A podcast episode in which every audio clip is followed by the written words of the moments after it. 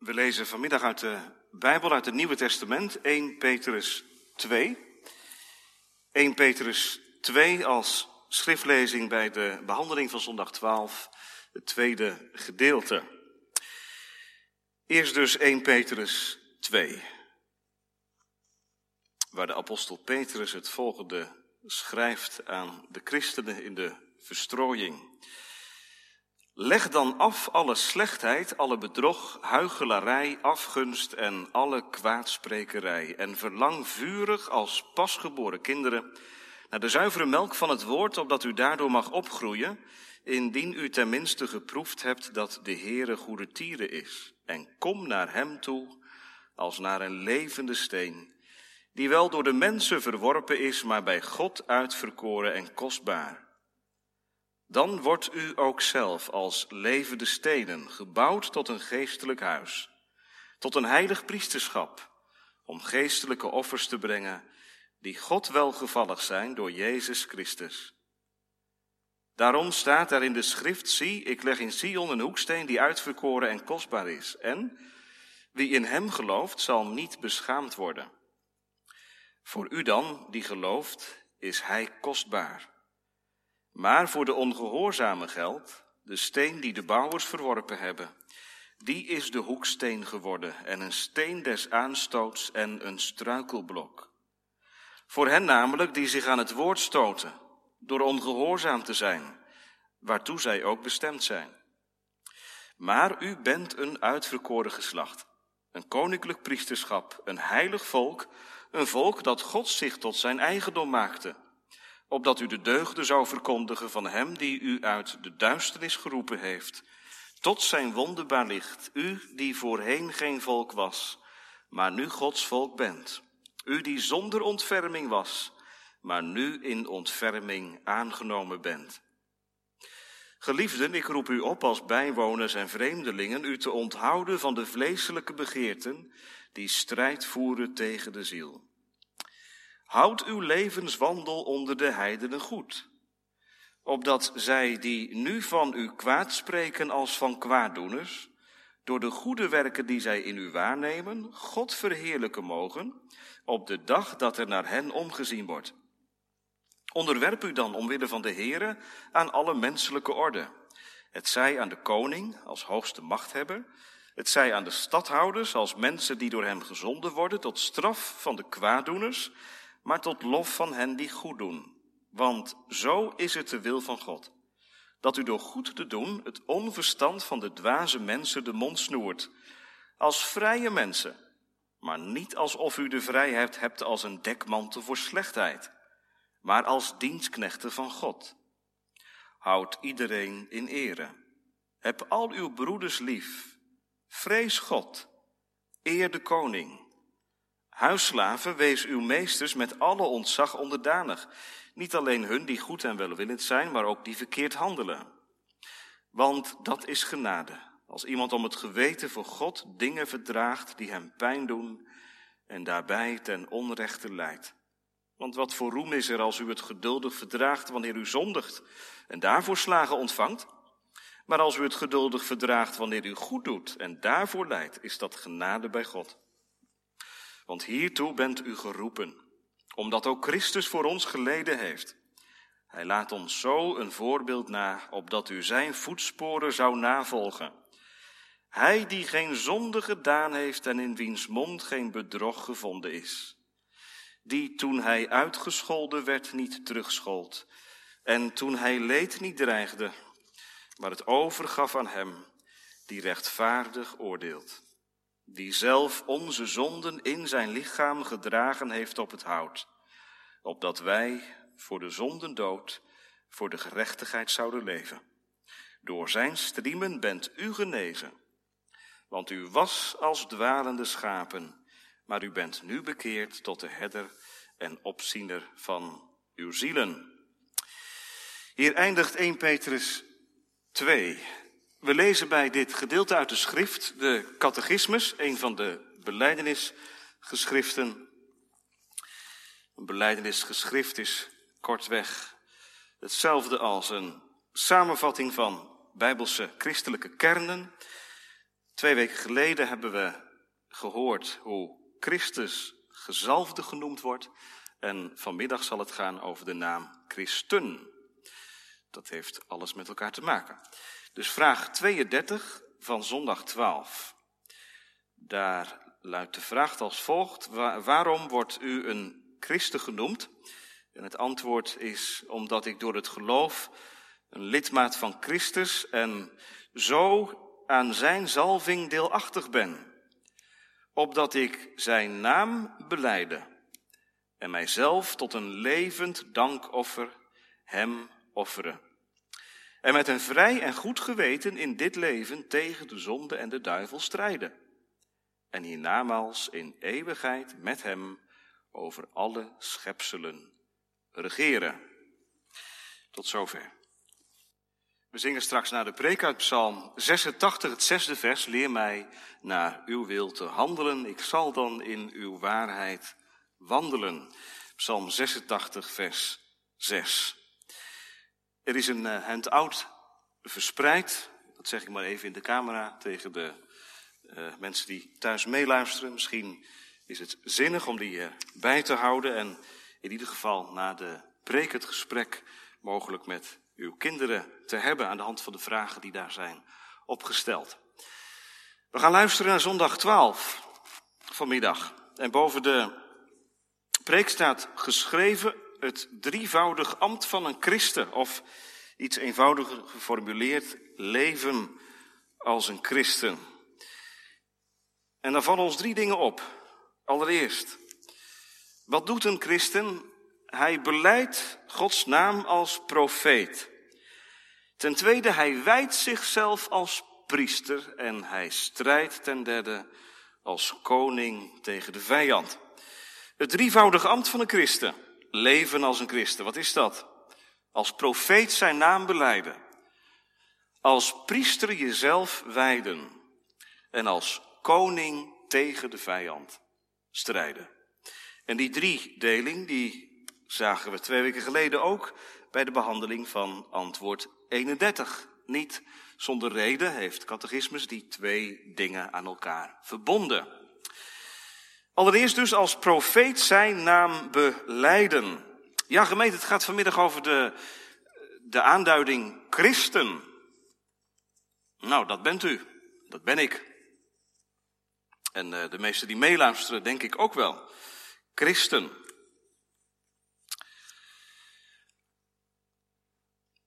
En daarmee staat er een punt. Of niet? Niet dus. Je kunt wel christen zijn, maar waarom word jij een christen genoemd? Dat is de vraag die we elkaar vanmiddag stellen. Waarom word ik een christen genoemd? Waarom word je zo genoemd? Inderdaad, door anderen dus. Niet allereerst door jezelf. Je kunt jezelf wel betitelen als christen, maar het zou misschien veel zinniger zijn om eens aan je buurman te vragen. Of aan mijn buren te vragen. Die van de weg, wat is dat voor man? Ja, hij is dominee. Hij is christen, maar wat houdt dat dan in? Of stel dat ik het aan je klasgenoot zou vragen. Je medestudent. Je collega. Ja, die en die gaat naar de kerk, is christen. Wat betekent dat? Wat zie je daarvan? Wat merk je daarvan? Weet u waar in de Bijbel voor het eerst sprake is van het woord christen? In Handelingen 11. In Handelingen 11 worden de discipelen van de Heer Jezus voor het eerst christenen genoemd. Door anderen. Ze zeiden niet op een goede dag tegen elkaar, nou wij horen bij Jezus, wij horen bij Christus, laten we onszelf christenen noemen.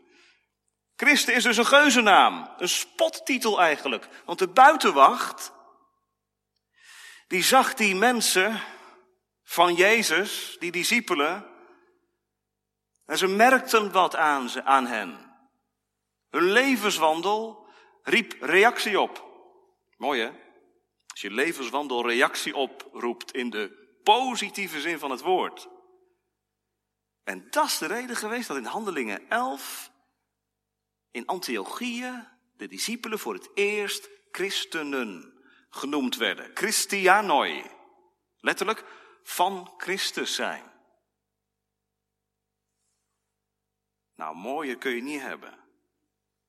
Als ze niet meer tegen je zeggen, oh je bent van de kerk zeker. Of je bent een zware. Of zoiets. Maar als ze je noemen naar je meester. Jonge mensen, wat een eretitel, hè? Christen. Van Christus. Ja, is dat een eretitel voor je? Of schaam je je ervoor? Ik ben kerkelijk meelevend, ik ben religieus. Nee, waarom word je een christen genoemd? Dat woord christen laat dus een directe verbinding zien tussen Christus en de christen. Het isolement, gemeente, dat is opgeheven. Dat is er gebeurd in het leven van een christen. Zijn fundamentele eenzaamheid is weg. Hij is van een ander. In leven en sterven. Wat een boodschap in crisistijd. Van een ander te zijn, niet van de overheid. Niet van jezelf, maar van je verlosser. Helemaal in het begin van de catechismus was dat de inzet. Wat is je enige troost, wat is je unieke houvast in leven en sterven? Dat ik niet meer van mezelf ben, maar dat ik een christen ben. Dat ik van Christus ben, die mij verlost heeft uit de dood van de zonde. En mij een nieuw leven gegeven heeft. Nou, laat maar eens op je inwerken. Ben je zo'n christen? Helaas, hè, met heel veel bijbelse woorden gebeurt dat. Genade, zonde enzovoort. En ook met het woord christen treedt een bepaalde betekenisvermindering op. Pure bijbelse woorden die leiden aan betekenisverlies. Daarom is het heel mooi, heel goed dat we vanmiddag eens inzoomen op dat woord christen. Wat betekent dat nou? En we leggen ons eigen leven ernaast. En laat het dan maar wat schuren. Als je erachter komt dat het misschien wat al te laks en gezapig geworden is in je leven. Christen. Waarom ben je een christen? Niet omdat je ergens op tegen bent. Niet omdat je van een bepaalde partij bent. Niet omdat je naar de kerk gaat. Lees je Bijbel. Dan zie je wat een christen inhoudt. We hebben samen 1 Petrus 2 gelezen in de context van heftige vervolging en verdrukking. Gebruikt Petrus die term christen in 1 Petrus 2. In de hitte van de verdrukking blijkt wie je bent. Dan vallen chameleon-christenen ook af. U weet, enkele maanden geleden ben ik in, in India geweest en wat we hier in, in de hervormde gemeenten nog wel tegenkomen, hè, dat er mensen zijn die behoren bij de rand, die af en toe eens naar de kerk gaan, of die misschien alleen maar gedoopt zijn, of alleen maar beleidenis gedaan hebben en ja, nog wel ingeschreven zijn, maar eigenlijk nergens meer aan doen. Behalve dan dat ze lid zijn van de kerk. Dat kom je in India niet tegen. Want lid zijn van de kerk, van de gemeente van Christus, betekent dat je christen bent, dat je van Christus bent. Lid zijn van een kerk is een risico. Dat kan je wat kosten. Het kan je zelfs alles kosten in bepaalde gebieden. Hoe is dat hier, gemeente? In, in onze Victorkerk. In de HAG van Apeldoorn. Hoeveel leden hebben we? Weet niet precies, 600 zoiets geloof ik hè? Om en nabij. Hoeveel christenen? Ja, dominee, wat een vraag. Even zoveel christenen als leden. Is dat zo? Ik hoop het. Ik hoop het. En wat dacht u dan? Dat er ook een aantal mensen zijn die geen christen zijn en die toch lid zijn. Ja, wat is de gemeente? Dat is dan de vraag. Hoe zie je de gemeente? Nou, ik zie de gemeente niet als een onbekeerde schare heidenen. Een massa mensen overal vandaan, die toevallig zondag op één plek komen. De gemeente is ook geen schare van mensen die allemaal geloven. Wat is de gemeente wel? De gemeente is de verbondsgemeente van Christus. Vergelijk het met de wijnstok. In een wijnstok heb je dode ranken en levende ranken. Allemaal zijn ze in die wijnstok ingeënt. Maar de levende ranken, die brengen vrucht voort. En de dode ranken zitten er wel in. Ze zijn ingelijfd. Er is geen vrucht. Tweeërlei kinderen van het verbond. Dat is de werkelijkheid waarin we gemeente zijn. En dan voelt u de vraag aankomen, ja, waar hoort u bij? Bent u een christen? Ben jij een christen? Wanneer, wanneer ben je dat? Nou, lees het antwoord. Het is zo helder als glas. Omdat ik door het geloof een lidmaat, een onderdaan, een rank van de wijnstok van Christus ben. En op die manier zijn zalving deelachtig ben. Ik ben door het geloof een lidmaat van Christus. Ik ben van de ander geworden. Een lidmaat. Dat betekent dat je heel nauw verbonden bent met Christus. Het geloof, dat is de onzichtbare binding, verbinding tussen een zondaar en Christus. Door het geloof, dat is essentieel. Niet van horen zeggen, niet omdat je veel weet te vertellen, niet omdat je ergens bij hoort, maar door het geloof. Dat is de inwendige, onzichtbare kant van een christen. En die komt eruit, daar gaan we het straks over hebben.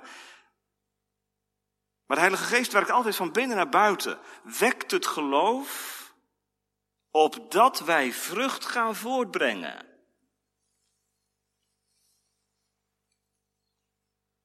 Zijn zalving deelachtig, opdat. Wat gebeurt er als je tot geloof komt? Dan ontvang je vergeving van zonde. Ja, dat is waar. Wie als een zondaar vlucht tot de Heer Jezus Christus, wie dat nu doet en, en zijn zonde beleidt, die ontvangt vergeving van zonde.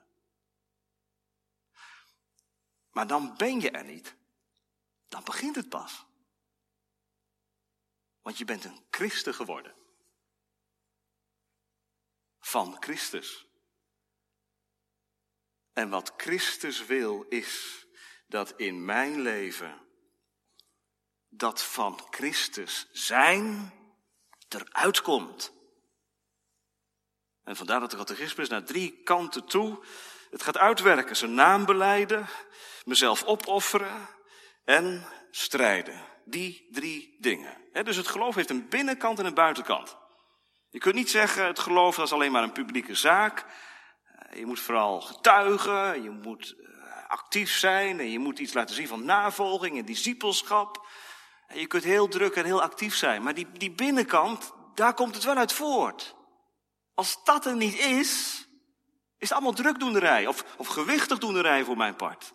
Maar door het geloof. Een lidmaat van Christus. Nou, zegt iemand. Ik heb zo mijn twijfels hoor bij sommige mensen. Of ze echt wel een, uh, een lidmaat van Christus zijn. Ho, ho, dat is verkeerd. Wij oordelen niet naar het hart. Wij oordelen in de liefde. En wij mogen de ander houden voor wat hij zegt te zijn, tenzij zijn levenswandel, zijn gedrag haak staat op zijn beleiden. Als u wat mensen in uw omgeving weet te noemen waarvan u denkt dat ze heel gemakkelijk, gemakzuchtig christen zijn, het allemaal maar heel snel toe-eigenen en zo, dan zou u eerst eens naar uzelf moeten kijken. Het is altijd een bijbelse weg, hè? Kritiek hebben op een ander is natuurlijk heel makkelijk. Maar eerst jezelf onder kritiek stellen. Ben ik door het geloof een lidmaat van Christus? Oh ja? Nou, dan heb ik recht van spreken. Anders moet ik eerst mijn mond maar even houden. Want weet je, als je van Christus bent, word je kritischer op jezelf dan op anderen. Dat is kenmerkend voor een christen. Eerst zag je van alles en nog wat bij anderen. En dat is er nog wel. Maar als je tot het zelfinzicht komt dat je een verlosser nodig hebt, heb je niet zoveel de mond meer vol van anderen, maar kom je er zelf ook niet zo, zo goed vanaf. Ik ben door het geloof een lidmaat van Christus. Dat is voor jongeren en voor ouderen bereikbaar. Echt. Het is niet iets voor oude mensen, jongeren. Kom nou. Uit de mond van kinderen en zuigelingen heeft God lof bereid. Door het geloof. Lidmaat van Christus. Ja, die kinderen kunnen soms zo, zo haast naïef geloven. Wilt u dat alstublieft zo laten? Niet gaan trekken. Doet u toch ook niet in de tuin? Als nu in dit lenteseizoen er allerlei kleine groene knopjes boven de zwarte aarde uitkomen, dan zegt u toch niet eens even kijken of er ook een wortel aan zit. En u, u rukt dat kleine jonge plantje eruit. Weg is de groei. Weg is de bloei. Laat het. Laat het overzomeren, laat het overwinteren, zeiden oude schrijvers vroeger. En wij hebben dat heel negatief uitgelegd hè, in onze traditie. Ja, moet maar niet te snel denken dat het echt is. Het is heel positief bedoeld. Laat het alsjeblieft overzomeren en overwinteren. Geef het de kans. Laat de geest zijn werk doen, ouders, bij je kinderen. Vertel jij maar wie de Heer Jezus is. En hopelijk kun je het vanuit je eigen hart ook vertellen wie hij is. Zodat je kinderen niet alleen een wegwijzer hebben, maar ook een getuige in huis. Niet alleen iemand die de, de weg wijst, maar ook iemand die vanuit zijn eigen hart kan zeggen, ik ben zelf door het geloof een lidmaat van Christus. Nou, we gaan snel verder, want wat betekent dat nou? Opdat ik zijn naam beleide, dat is dat profetische eh, aspect hè, van een christen. Opdat ik zijn naam zal beleiden. Een profeet in het Oude Testament, die sprak de boodschap van God gaf hij door. Maar voordat hij sprak, zweeg hij.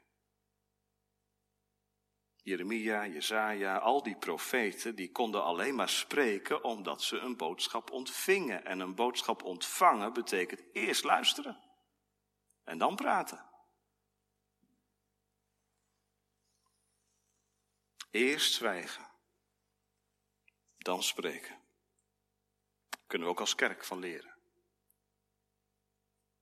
Als we spreken en we menen recht van spreken te hebben, profetisch spreken, hebben wij eerst leren zwijgen. Luisteren naar de stem van God. Dat bewaart ons voor een al te makkelijk oordeel vellen. Over de samenleving bijvoorbeeld. Of over anderen. Met geheven vinger. Die dit en die dat. Dat bewaart ons er ook voor dat wij misschien al te makkelijk in de pen klimmen. Zwijgen. En dan niet om helemaal niks meer te zeggen, maar om het spreken doorgloeid te laten zijn. Van God spreken. Ja, wat betekent dat concreet, zegt iemand voor mij dan? Als vader, als moeder, als jongen, als meisje? Zijn naam beleiden. Betekent dat dus dat ik de barricades op moet? Dat ik na gezwegen te hebben moet gaan uh, spreken op een sinaasappelkistje op de markt, uh, in de tram? Nou, dat is tegenwoordig lastig, maar uh, u begrijpt wat ik bedoel? Spreken? Nee, we moeten dat beleiden niet alleen maar um, verbinden met spreken. Beleiden is veel meer dan dingen zeggen. Beleiden is ook de keuzes maken. Prioriteiten stellen. Nou, ga dan je leven maar na. Ben je een christen? dan beleid je zijn naam. Hoe komt dat uit? Misschien ben je niet zo'n spreker. Maar je maakt wel keuzes. Samen in je huwelijk. Wat gaan we doen op zondag? Gaan we één keer? Gaan we twee keer? Wat gaan we kijken vanavond? Een vrije avond. Even Netflixen? Waar gaan we naartoe? Op zaterdagavond. Als je christen bent, ga je op zijn minst na wat de gevolgen zijn van dat wat je gaat zien, dat wat je gaat besteden in geld, daar waar je naartoe gaat, met welke vrienden je omgang wilt hebben, hoe je sociale media in je gezin een plek geeft. Mogen je kinderen onbeperkt op de iPad, lekker makkelijk, hoor je ze ook niet? Of voer je het gesprek erover? En uh, als je kinderen met vragen komen, hè? papa, waarom doen we dat niet? Dan zeg je toch niet, ja, maar dat hoort zo. Of, um, dat is nu eenmaal zo. Zijn naam beleiden, vaders, betekent dat wij kunnen uitleggen wat wij doen, wat wij verbieden en wat wij bevorderen. Zijn naam beleiden in je relatie, op weg naar je huwelijk. Geen seks voor het huwelijk? Ouderwets. Zijn naam beleiden. Dat is niet ouderwets. Maar dat betekent dat je het kompas van het woord wilt gebruiken, samen en persoonlijk, in de weg die je gaat. Zeker in deze tijd. Zijn naam beleiden. Als heel veel stil komt te staan. En wij met z'n allen weer naar de koor, de kern van ons leven toegaan. De institutie van het gezin, van het huwelijk. Weer nadrukkelijk op ons netvlies staat.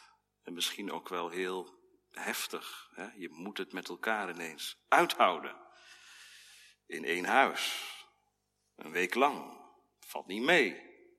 In sommige situaties. Zijn naam beleiden. Ja, wat is dan je ondergrond? Wat is dan je fundament? Weet, ik geloof dat we in deze tijd ook in een, in een, in een, mag ik het zo zeggen, een kansrijke tijd leven. Ik kreeg een artikel onder ogen in, uit het NRC, waar iemand, een meisje, een vrouw, uh, zegt, zelf geen christen. Voor het eerst zou ik gelovig willen zijn. Het lijkt me heel goed om in deze tijd zelfverzekerd weet het allemaal wel, maar heeft een all-risk verzekering.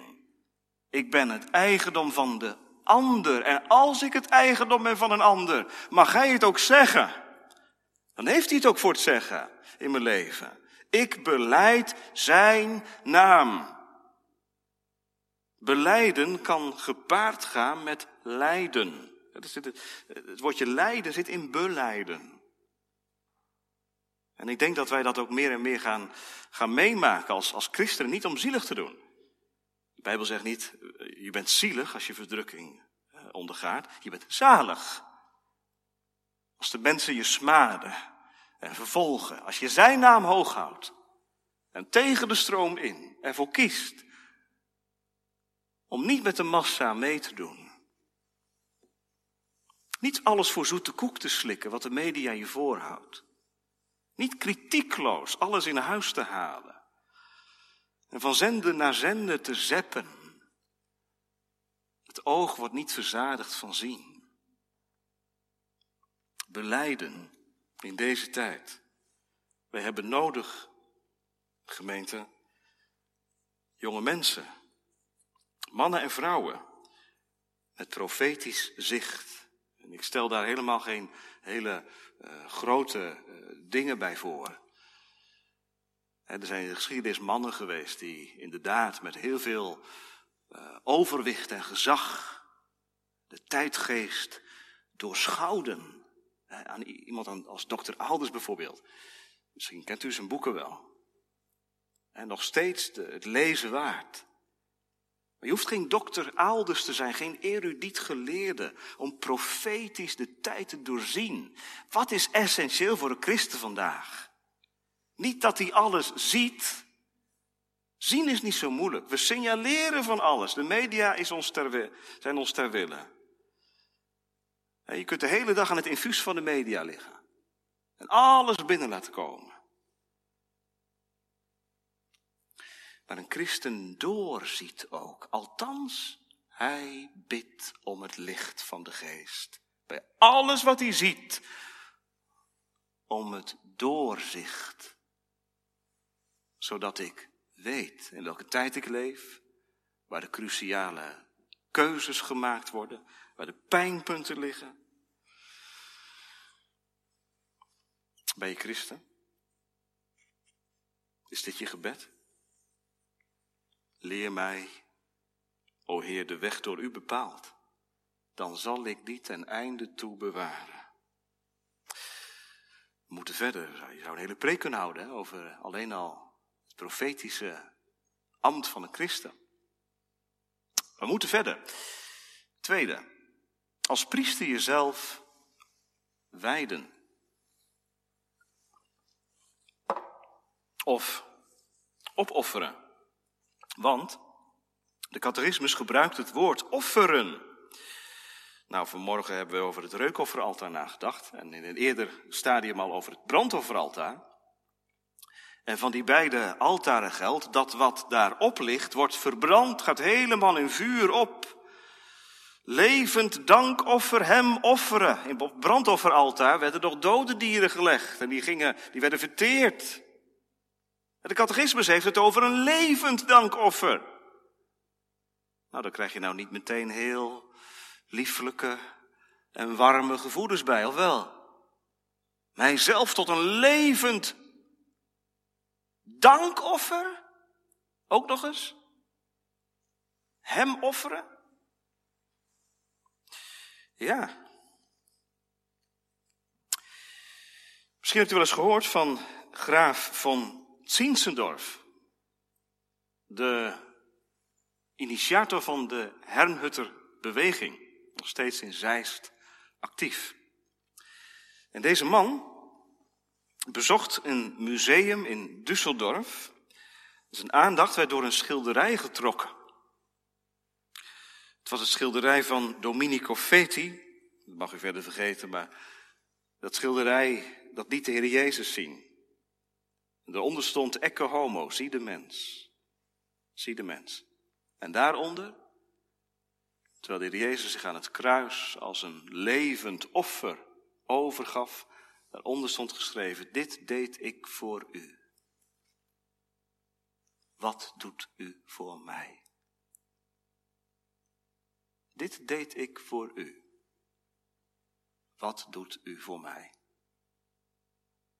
Nou, dat heeft zo'n indruk gemaakt op graaf, graaf von Zinsendorf, dat hij in zijn dagboek schrijft, ik, had hem altijd, ik heb hem altijd lief gehad, maar nu zal ik alleen nog maar doen waartoe hij mij zal leiden. Het is een omwenteling geworden in het leven van deze man. Hij leerde bidden. Neem mijn leven. We vinden het een prachtig lied, hè? Maar ik vind het ook een heel pijnlijk lied. U ook?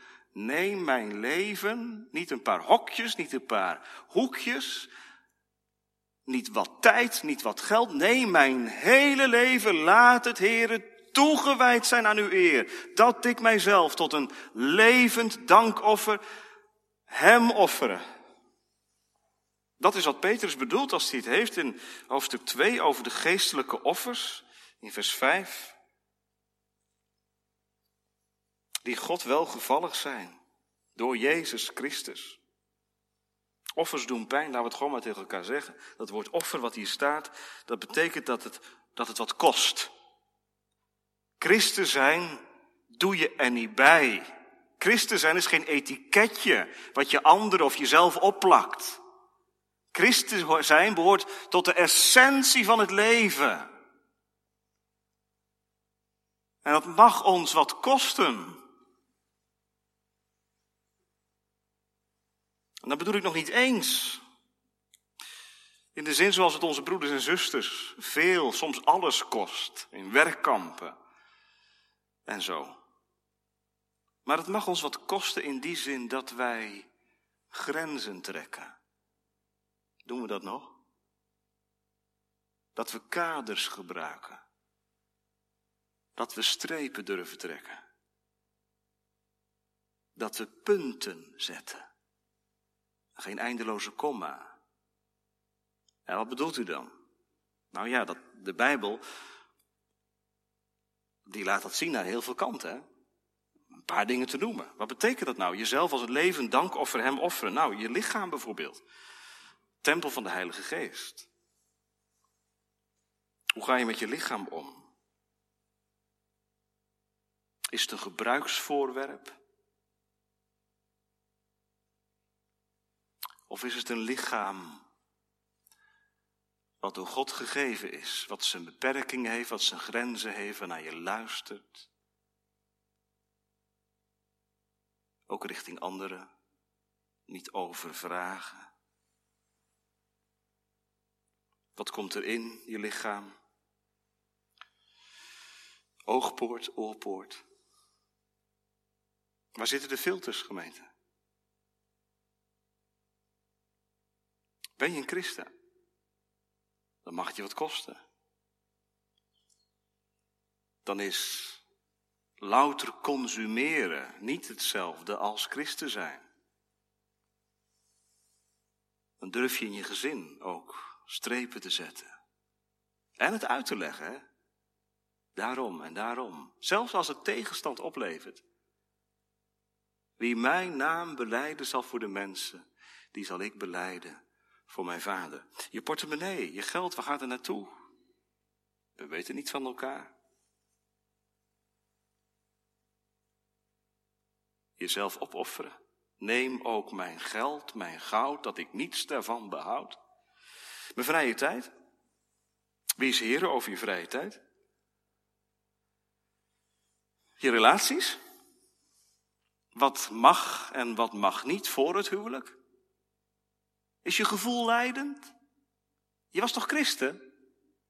Dat ik mijzelf tot een levend dankoffer hem opoffer. Dat betekent dat je niet alle antwoorden misschien paraat hebt. Hoe moet ik omgaan met mijn lichaam, met mijn geld, met mijn tijd, met, met relaties, werk, vrije tijd.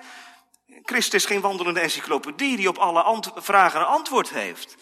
Maar een christen is iemand die zichzelf opoffert. En bid, heren, waar moet ik kiezen? Wat is wijsheid? Schenk het mij, geef het mij. Wat wilt u dat ik doen zal? Pijnlijk, zei ik al. Het kost wat, zeker in onze tijd. We zijn geïnfecteerd door de jacht en door de snelheid en de hang naar succes misschien wel, naar status. Gezien worden. Ja, en dat botst wel eens.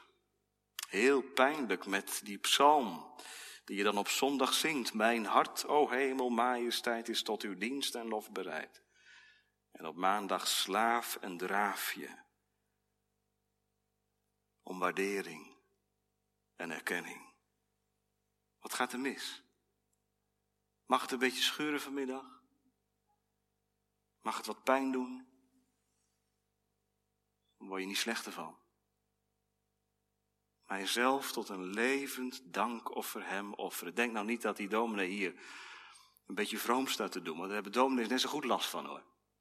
Die zijn ook echt mensen. Dus ik zit het niet tegen u te zeggen, maar ik zit naast u. En met elkaar vinden we dit heel pijnlijk en moeten we er doorheen. Mijzelf tot een levend dankoffer hem offeren. Weet je, het gaat of het gaat niet. Het gaat niet als je naamchristen bent.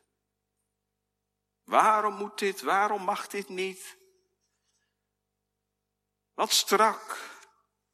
Wat zwaar. Maar het gaat wel als je van Christus bent. Al kost het je wat. Al kost het je misschien erkenning. Al kost het je een baan. Ik zeg dat heel voorzichtig, zeker in deze tijd. Al kost het je roem, krediet van anderen.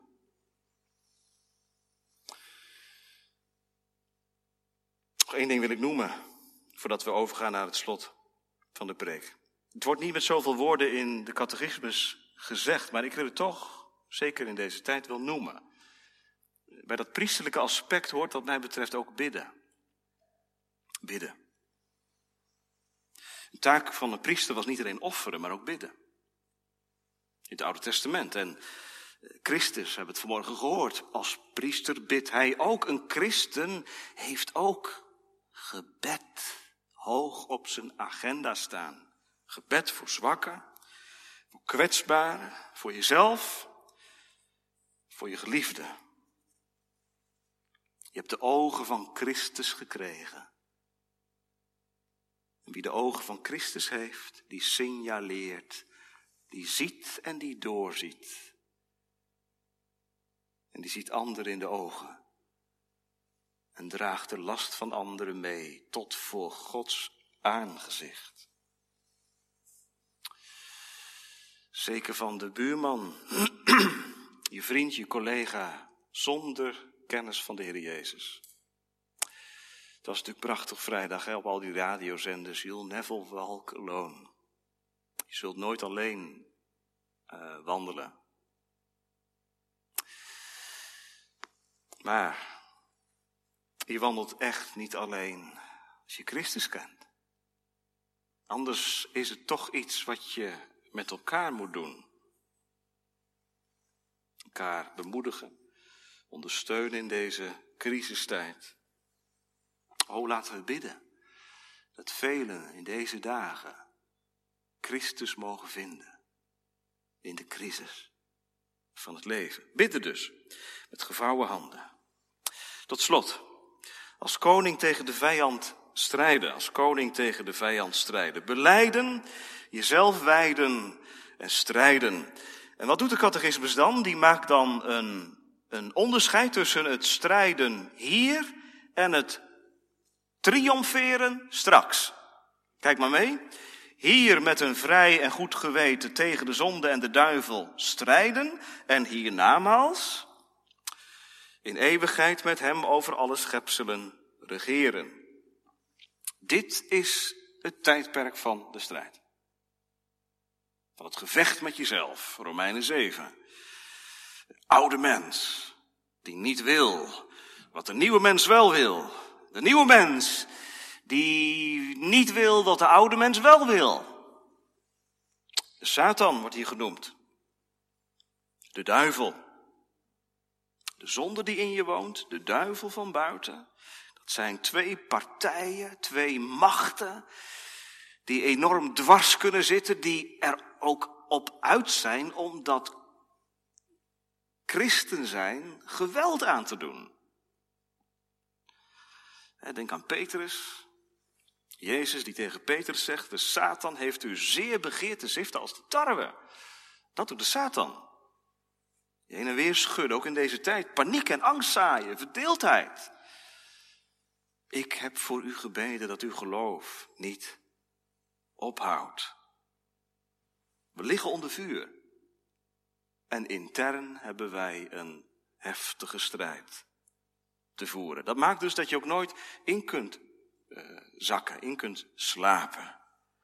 Je strijdt. En in een strijd moet je waakzaam zijn. Niet passief, maar actief. De vijand gaat ieder moment toeslaan. Weet je je zwakke plekken? Waar zitten ze bij jou? Dat weet jij beter dan een ander. Weet God het ook? Heb je het erover met de Heer? Kun je met een vrij en goed geweten tegen de zonde en de duivel strijden? Dat kun je niet als je zonde aan de hand houdt.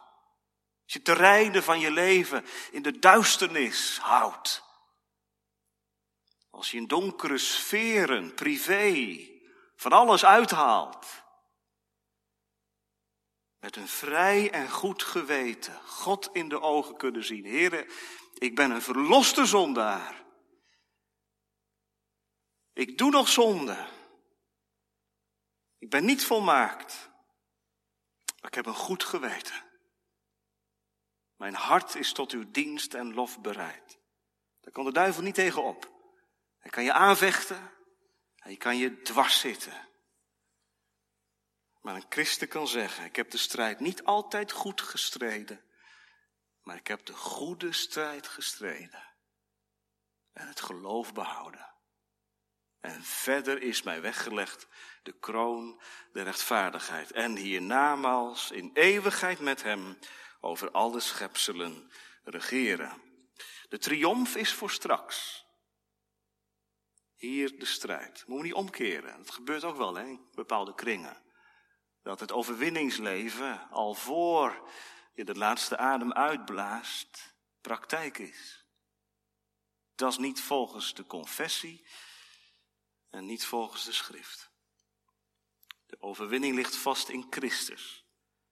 Ik ben meer dan overwinnaar in Christus, maar ik moet hier strijden. Het is hier de hemel niet.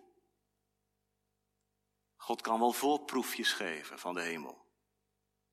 Dat je smaakt en proeft dat Hij goed is. Dat je iets van het eeuwigheidsleven al binnendringt. dat kan in de kerk. Dat kan als je het woord leest. De Heilige Geest kan op zoveel manieren binnenkomen en je ziel troosten. Maar het regeren en het triomferen komt straks. In eeuwigheid, zegt de catechismus. Met Hem.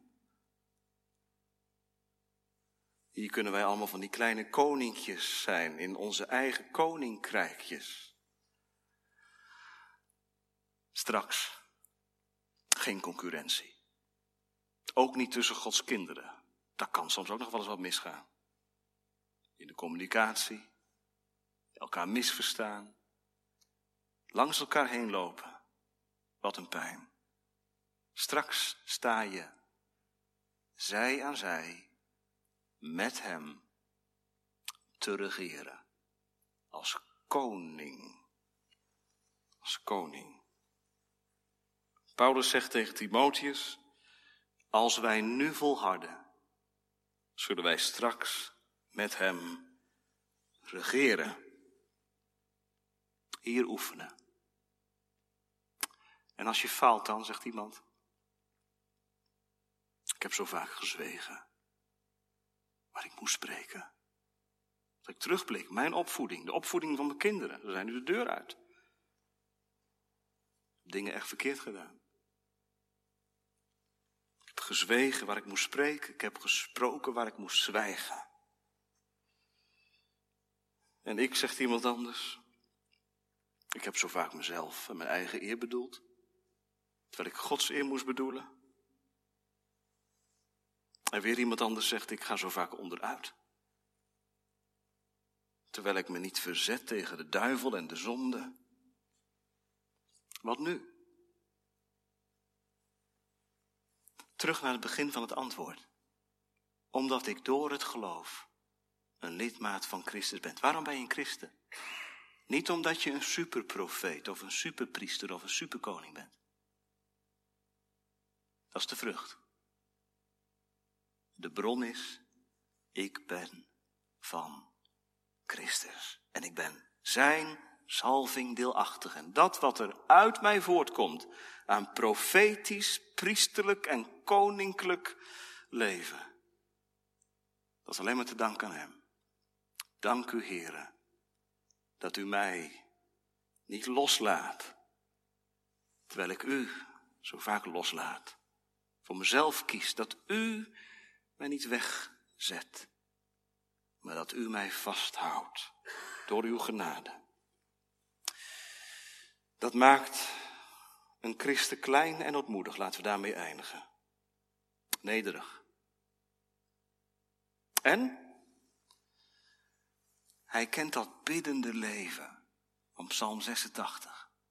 Dat is nou iets waar je nooit bovenuit groeit. Dat is je dagelijks gebed. Of je nou accountant bent, of, of vrachtwagenchauffeur, dominee, student, moeder thuis of minister. Leer mij naar uw wil te handelen. Ik zal dan in uw waarheid wandelen en zorgt u ervoor dat mijn hart samengevoegd is, gericht is op het eren van uw naam. Bid je mee als christen. Amen.